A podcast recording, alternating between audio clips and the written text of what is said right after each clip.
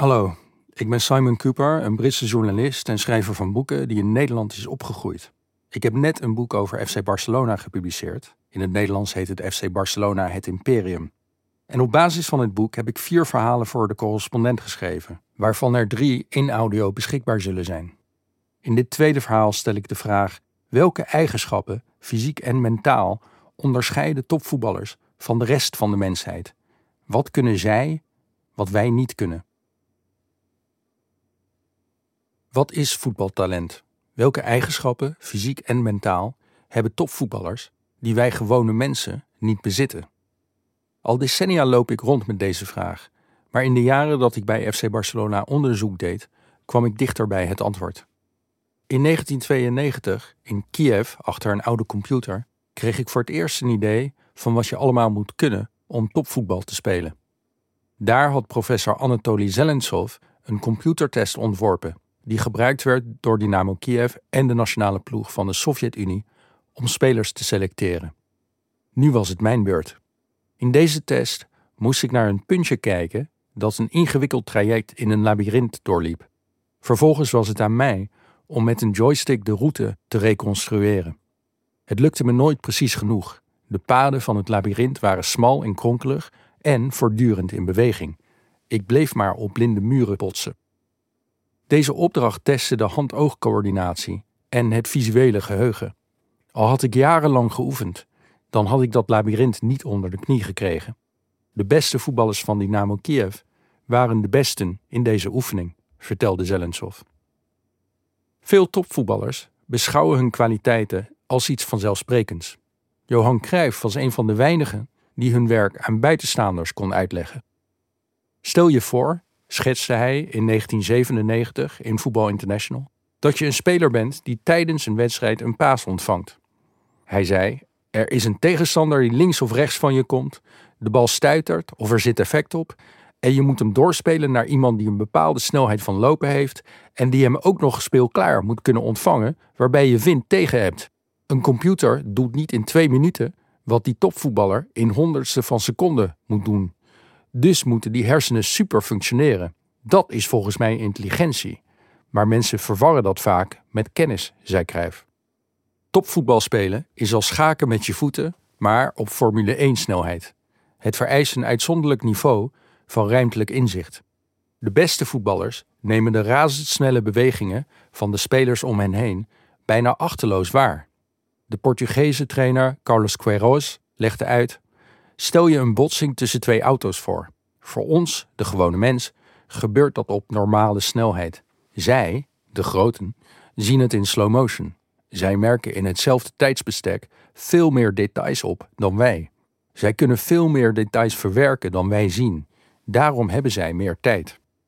Misschien is het snel herkennen van patronen op het veld wel de belangrijkste eigenschap van topvoetballers, zei Jean-Pierre Meerseman, die lang directeur was van het zogenaamde Milan Lab, het wetenschappelijk laboratorium van AC Milan. Toen ik vroeg welke spelers dat beheersten, noemde hij de Braziliaan Ronaldo. Een club kan niet veel doen om deze eigenschap aan te leren.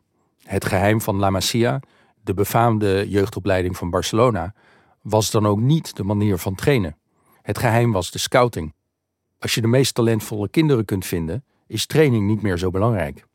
De scouts van La Masia zochten kinderen die de juiste kant op keken als ze aangespeeld werden, die met opgeheven hoofd speelden en het veld overzagen. De eigenschap van de beste voetballers, aldus Cruijff. Het was net als autorijden, legde hij uit. Je moet de weg in het oog houden, niet je dashboard en de versnellingspook. De spelers met de beste techniek keken vaak het meeste rond, omdat hun balbeheersing zo goed was dat ze zelden naar beneden moesten kijken naar de bal. Na een bepaalde leeftijd kunnen topspelers weinig meer van trainers leren. Spelers zien het of ze zien het niet. En degenen die het zien, begrijpen het spel op het veld beter dan de meest doorgewinterde coach. Geen enkele coach of data-analyst kon de controlerende middenvelder Sergio Busquets uitleggen hoe hij een tegenstander naar zich toe kon lokken om de bal vervolgens op het allerlaatste moment in de ruimte achter die tegenstander te spelen. Het is zelfs omgekeerd. Om te begrijpen hoe voetbal werkt, bestudeerden de data-analysten van Barça wat Busquets deed. Toen ze voor het eerst computermodellen gebruikten om cruciale zones op het veld te identificeren, waren ze verbaasd hoe vaak de spelers van Barcelona die ruimte al benutten voor hun passes of loopacties. Ernesto Valverde, de toenmalige hoofdcoach van de club, zei me in 2019: Voetbal behoort de spelers toe. 45 minuten aan een stuk neemt een speler zijn eigen beslissingen. Tijdens de wedstrijd proberen spelers voortdurend zelf problemen op te lossen. Moet ik vijf meter naar voren gaan? Naar wie moet ik pasen? Wie dekt de vrije man? Geen coach of data-analyst vertelt je dat allemaal in real time. Patronen herkennen, de juiste beslissingen nemen en balbeheersing, dat is uiteindelijk maar het begin van de definitie van een topvoetballer. Zo'n speler moet namelijk ook bepaalde mentale eigenschappen hebben. De belangrijkste? Inma Puig, die 15 jaar lang als psychologe voor Barça werkte, vertelde me: Een gewone speler ervaart druk als bedreigend. Topspelers ervaren het als een uitdaging. Dat is het verschil. Om de drie of vier dagen betreedt een voetballer het Romeinse Colosseum en moet hij zich bewijzen. De spelers die genieten van die nooit aflatende uitdaging zijn degenen die slagen. Na een afgang staan zij meteen weer op. De Franse verdediger Lilian Thuram zei me in 2008, toen hij bij Barça speelde: Het mooie aan voetbal is dat je jezelf voortdurend ter discussie stelt. De vorige wedstrijd vergeet je. In het voetbal is er een magisch moment wanneer de twee ploegen naast elkaar in de tunnel staan, waarna ze het veld opkomen en de toeschouwers begroeten en de scheidsrechter op zijn fluitje blaast, want dan kunnen we een nieuwe wedstrijd scheppen. Ik denk dat dat de reden is waarom voetbal zo fascinerend is. Een ander element van talent is concentratie. Topspelers kunnen zich 90 minuten lang op een taak focussen, alsof de toeschouwers niet bestaan. Het enige geluid dat tot hen doordringt zijn de aanwijzingen van hun ploeggenoten. Megan Rapinoe, de voetballer die in de VS een tijd lang werd uitgejouwd omdat ze tijdens het volkslied knielde, zei: Het blijkt dat het geluid van tienduizenden mensen die je duidelijk maken dat je beter kunt oprotten, kan samenvloeien in een vaste massa die je kunt negeren. Turam zei dat hij na het laatste fluitsignaal altijd wel wist welke ploeg er had gewonnen, maar niet altijd wat de stand was. Soms wist hij de doelpunten die zijn ploeg had gescoord uit zijn gedachten, omdat ze niet relevant waren voor zijn taken. Hij was gefocust. Buitenstaanders denken vaak dat topvoetballers een trainer nodig hebben om hen tot dergelijke hoogte op te stuwen. De Engelse komiek Peter Cook speelde ooit een voetbaltrainer die in een treurig Noord-Engels accent het geheim van zijn vak onthulde. Motivation, motivation, motivation. De drie M'en. Het idee is dat een speler een passief kind is waar de trainer motivatie in pompt. Bij voorkeur door middel van een Churchilliaans peppraatje voor de wedstrijd. De waarheid is echter dat er bijna niemand aan de top voor de trainer speelt. Vlak voordat de Barcelona-spelers het veld opgaan, vormen zij samen met de trainer in de kleedkamer een kring en schreeuwen ze gezamenlijk 1, 2, 3, Barça! De vereiste externe motivatie komt uit de groep, niet van de trainer. En de belangrijkste motivatie komt van binnen. Arsène Wenger, die 22 jaar lang hoofdcoach was van Arsenal, vertelde me: Als ze 23 jaar zijn, beginnen de echte, echte, echte topspelers zich van de rest te onderscheiden.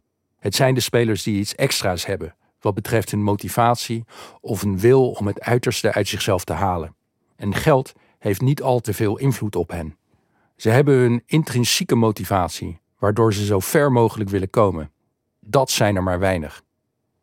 Toen ik vroeg hoe belangrijk de motiverende taak van een trainer was, antwoordde Wenger: Die wordt overschat. Als je de spelers elke week moet motiveren om op zaterdag te presteren, vergeet het dan maar. Op dat niveau willen de spelers iets bereiken. Ze willen een ster zijn. En jij bent er meer om hen bij te staan. Als ze dat niet willen, dan willen ze het niet. Laat ze dan maar thuis. Het is zonde van je tijd. Een realistische trainer accepteert dat het voetballers om zichzelf gaat en dat ze hun ploeggenoten als bondgenoten, maar ook als concurrenten zien. Guardiola gaat ervan uit dat de reserves hopen dat hun team verliest. De Manchester City-trainer Pep Guardiola gaat ervan uit dat de reserves hopen dat hun team verliest, zodat zij misschien een kans krijgen. Guardiola zei ooit: Mensen die roepen we strijden voor elkaar. Nou, dat ziet er goed uit op een foto, maar in een kleedkamer gelooft niemand dat.